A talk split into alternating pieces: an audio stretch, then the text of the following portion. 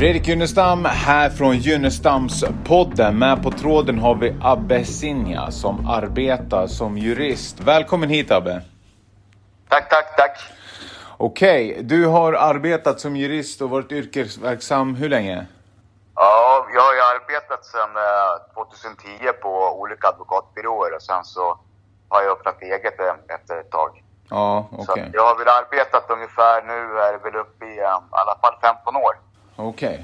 Och det, det, här är för att de som lyssnar ska få, få en liten eh, bredare bild eh, av dig och varför du kommer svara på de här frågorna. Vi går direkt in på det här med koranbränning och yttrandefrihet. Det är en debatt som förs väldigt aktivt i samhället nu, såklart. Eh, kan du förklara lite om yttrandefrihet och... och... Eh, det, är en, det är ju, vi har ju två, vi har ju olika i Sverige. Och det är framförallt tryckfrihetsförordningen och yttrandefrihetsgrundlagen som är, som, man, som är väldigt viktig. Och den handlar ju mycket om att eh, man ska kunna uttrycka sig fritt, till exempel mot eh, riksdagen, regeringen, politiska eh, makthavare och så vidare utan att riskera repressalier. Det är det som är grundtanken med eh, bland annat yttrandefrihetsgrundlagen som man kallar det för. Mm. Och eh, här inne kommer det här som kallas för blasfemi till exempel. Det här med att ja, ska man få kritisera religioner? Ja, många länder får man inte göra det. Mm. Men i Sverige har vi alltid tänkt att det ska man kunna få göra. Mm. Så ska det vara. Mm. Och å ena sidan så har vi att göra med det hot som finns mot Sverige i form av dels ekonomiska sanktioner men framförallt hot från olika terrorister där, där det kan innebära att, att, att, att, att um, vi får ett bombdåd eller liknande i Sverige på grund av koranbränningen. Mm. Och å andra sidan så har vi det som vi i Sverige kännetecknar som yttrandefrihet, att man ska kunna få uttrycka sig hur man vill, på mm. vilket sätt man vill, så länge man inte skadar någon. Oh. Det innebär i sin tur att eh, det kommer att komma saker och ting där människor uppför sig högst olämpligt. Mm. Men att i svensk rättskultur så har vi och vi ska acceptera det. Hur du menar du då? Ja, vi måste kunna kunna kritisera religioner utan att det ska innebära att vi äh, avviker ifrån det som är våran grundtanke på grund av våld eller hot om våld. Mm. Till exempel så är det ju så att äh, olika personer i Sverige har ansökt om att få bränna en koran. Mm. Och äh, svenska polisen försökt att förhindra det med hjälp av ordningslagen.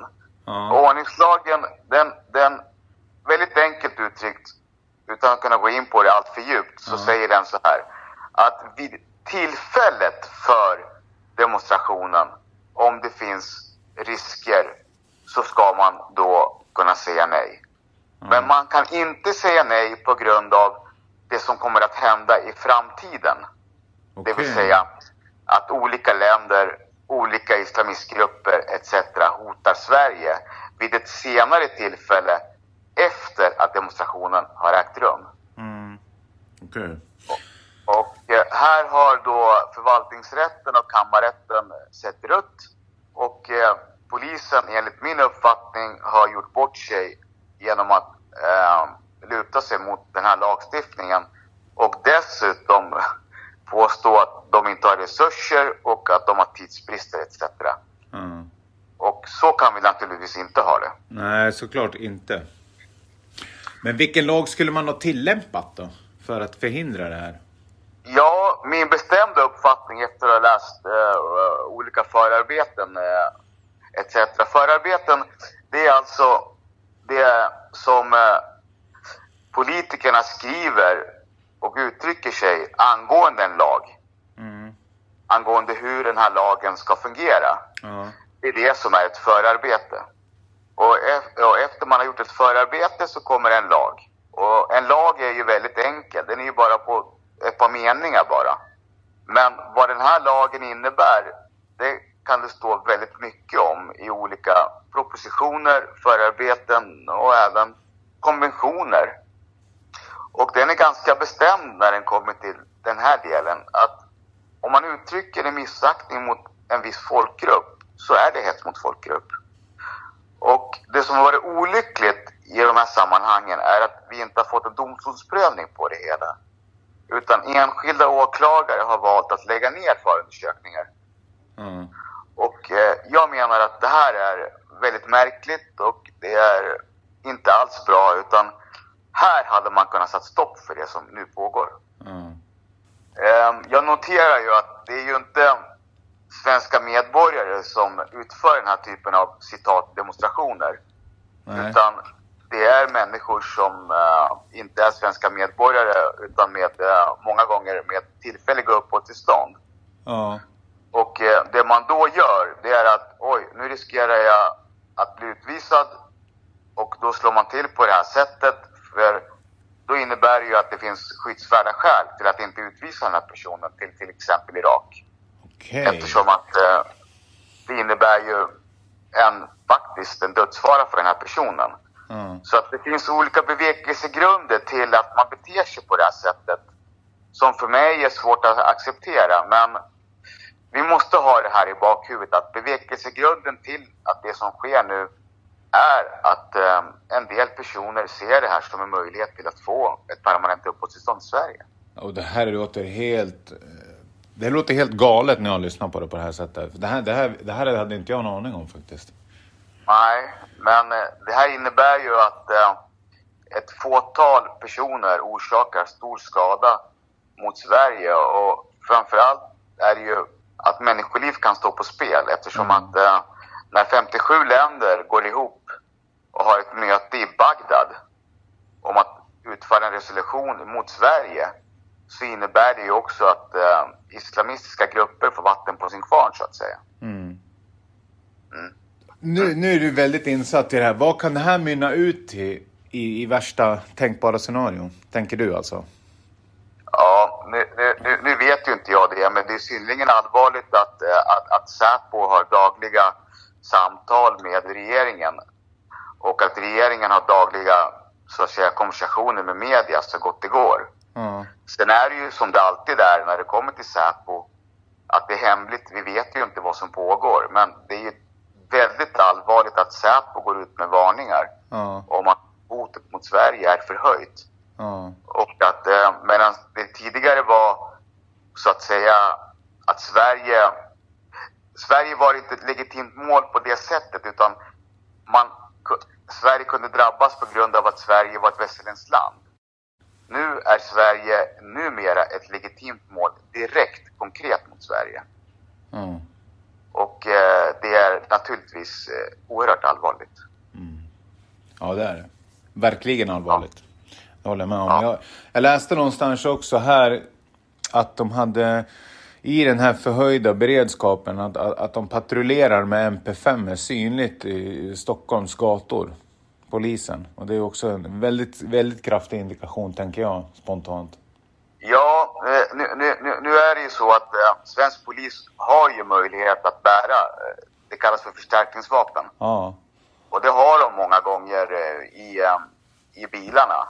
Ja. Men inte på det sättet som de har nu, öppet synligt. Och eh, det är en indikation på att eh, något inte står rätt till, givetvis. Ja. Men vad som försiggår bakom de här kulisserna, det vet bara polisen och framförallt Säkerhetspolisen. Men av erfarenhet så vet jag ju att Säkerhetspolisen inte uttalar sig i onödan. Utan det gör de när de anser att det är högst nödvändigt. Och eh, då får man ändå tänka på att Säpo är en organisation som uttrycker sig högst eh, diplomatiskt. Ja. Men när man läser mellan raderna så förstår man allvaret. I alla fall vi som har eh, någorlunda insatta i det här. Ja. Så absolut. Så det här innebär ju att ett fåtal människor orsakar stor skada för Sverige. Ja, det är ytterst allvarligt, det är det.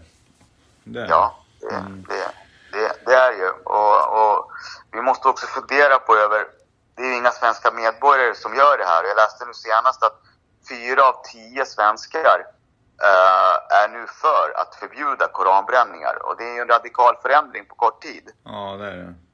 Men är det inte så i Sverige, rätta mig om jag har fel, men för att förändra en grundlag, alltså om man verkligen ska få så här, okej, okay, svenska folket säger nej, demokratin säger nej med andra ord, för det är det. Hur, hur kan man förändra en grundlag då? Hur kan man liksom förhindra det här? Ja, eh, det är ju så att vi har fyra grundlagar. Mm. Och eh, de här grundlagarna, all annan lagstiftning eh, lutar sig mot grundlagarna. Lite slarvigt uttryckt, om det strider mot grundlagen så kan vi inte stifta en lag helt enkelt. Och för att ändra en grundlag så ska det gå, det ska ske till exempel just nu med den här regeringen vi har nu och sen ska det då ske ett val till. Just det, så är det. Så är det. det är skillnaden på grundlag ja. och vanlig lag va? Ja, ja. precis. Så att eh, det tar lång tid. Mm. Det är ingenting som görs imorgon utan det tar många år. Mm. Och under tiden så kan, så kan det här hotet, alltså när jag lyssnar på det, trappas upp och bli allvarligt. Så under tiden när vi tänker på hur vi ska förbjuda det här så kan, så kan det sluta med väldigt allvarliga konsekvenser. Det är det jag hör när jag lyssnar på det. Ja, men eh, eh visst är det så. Vi, eh, en, att ändra grundlagen, det kommer inte ske nu och här, utan det kommer ske... Först ska det röstas igenom med, med, med, med den regeringen och riksdagen vi har nu. Mm. Och sen ska det ske ett, ett nytt val. Mm. Och sen ska den riksdagen och regeringen komma fram till mm. samma sak. Mm. Och först då kan man ändra grundlagen, så det ligger ju mm. flera år bort. Mm. Men om vi sätter det i kontext då. De här fyra av tio, hur, hur går deras resonemang? Nu kan ju inte du tala för alla andra, men hur kan du tänka med att de tänker liksom? Det, det, det är fyra av tio numera som tycker att det inte är okej. Om man jämför med att det var tidigare så var det ju ändå majoriteten, nästan 10 av 10 skulle jag vilja påstå, som tyckte att så här ska man kunna göra. Ja. Nu tycker 4 av 10 svenskar att så här ska man inte kunna göra. Ja. Och eh, det beror ju främst på att det finns ett terrorhot mot Sverige där, där, där vi riskerar människoliv på Drottninggatan, Avenyn, eh, Mullan eh, och så vidare. Ja. Och även eh, de ekonomiska sanktionerna mot Sverige som gäller företagen. Och eh, det här gör ju att eh, en stor del av den svenska befolkningen anser helt enkelt att ja, det kanske är så att jag tycker att man ska kunna bränna en koran, men det är inte värt det priset. Helt mm. enkelt. Mm. Absolut. Slarvigt uttryckt så, ja. Mm. Okej okay, Abbe, är det någonting utöver det vi diskuterar nu som du känner också, just det, det här kommer jag på, det här vill jag tillägga eller det här vill jag förstärka eller förtydliga? Nej, eh, inte så mycket mer än att eh, jag konstaterar att den danska regeringen arbetar aktivt för att eh, förbjuda koranbränningar. Det, där kommer det gå fortare. Mm. De har en annan lagstiftning än vad vi har. Mm. Och jag konstaterar också att eh, vi kan luta oss mot eh, hets mot folkgrupp, men det här är ändå en eftergift. Och eh, det kan innebära att vi måste ge fler eftergifter som kan bli oanade, oanade konsekvenser för oss. Okej. Okay. Vad är det för oanade konsekvenser du tänker på då? Ja, det kan ju bli till exempel att eh, det, eh, man får inte tala illa om islam överhuvudtaget. Att, eh, och, att det blir en inskränkning i grundlagen menar du? Ja, jo, det blir, det, det blir ju ytterst så. Uh. Att, att, att, att, att, att man förbjuder människor att uttrycka sina åsikter ja. på ett sätt som är väldigt eh, främmande för oss. Ja. Och det är inte heller okej, okay. personligen tänker jag direkt, det är inte heller, man måste ju få säga, tycka och tänka vad man vill. Men för mig är det så här, det kommer jag alltid stå för och tycka, men sen att göra vad man vill, det är en annan grej för mig. Så tänker jag i alla fall med sunt förnuft. Jo, det hela är ganska enkelt. Det är ju så att allt som är möjligt är inte alltid lämpligt. Okej, okay, Abbe, ja. tack så hjärtligt mycket att du ville ställa upp på, på det här med kort varsel och jag önskar dig all lycka till i framtiden. Tack så mycket, tack så mycket. Okej, okay, hej.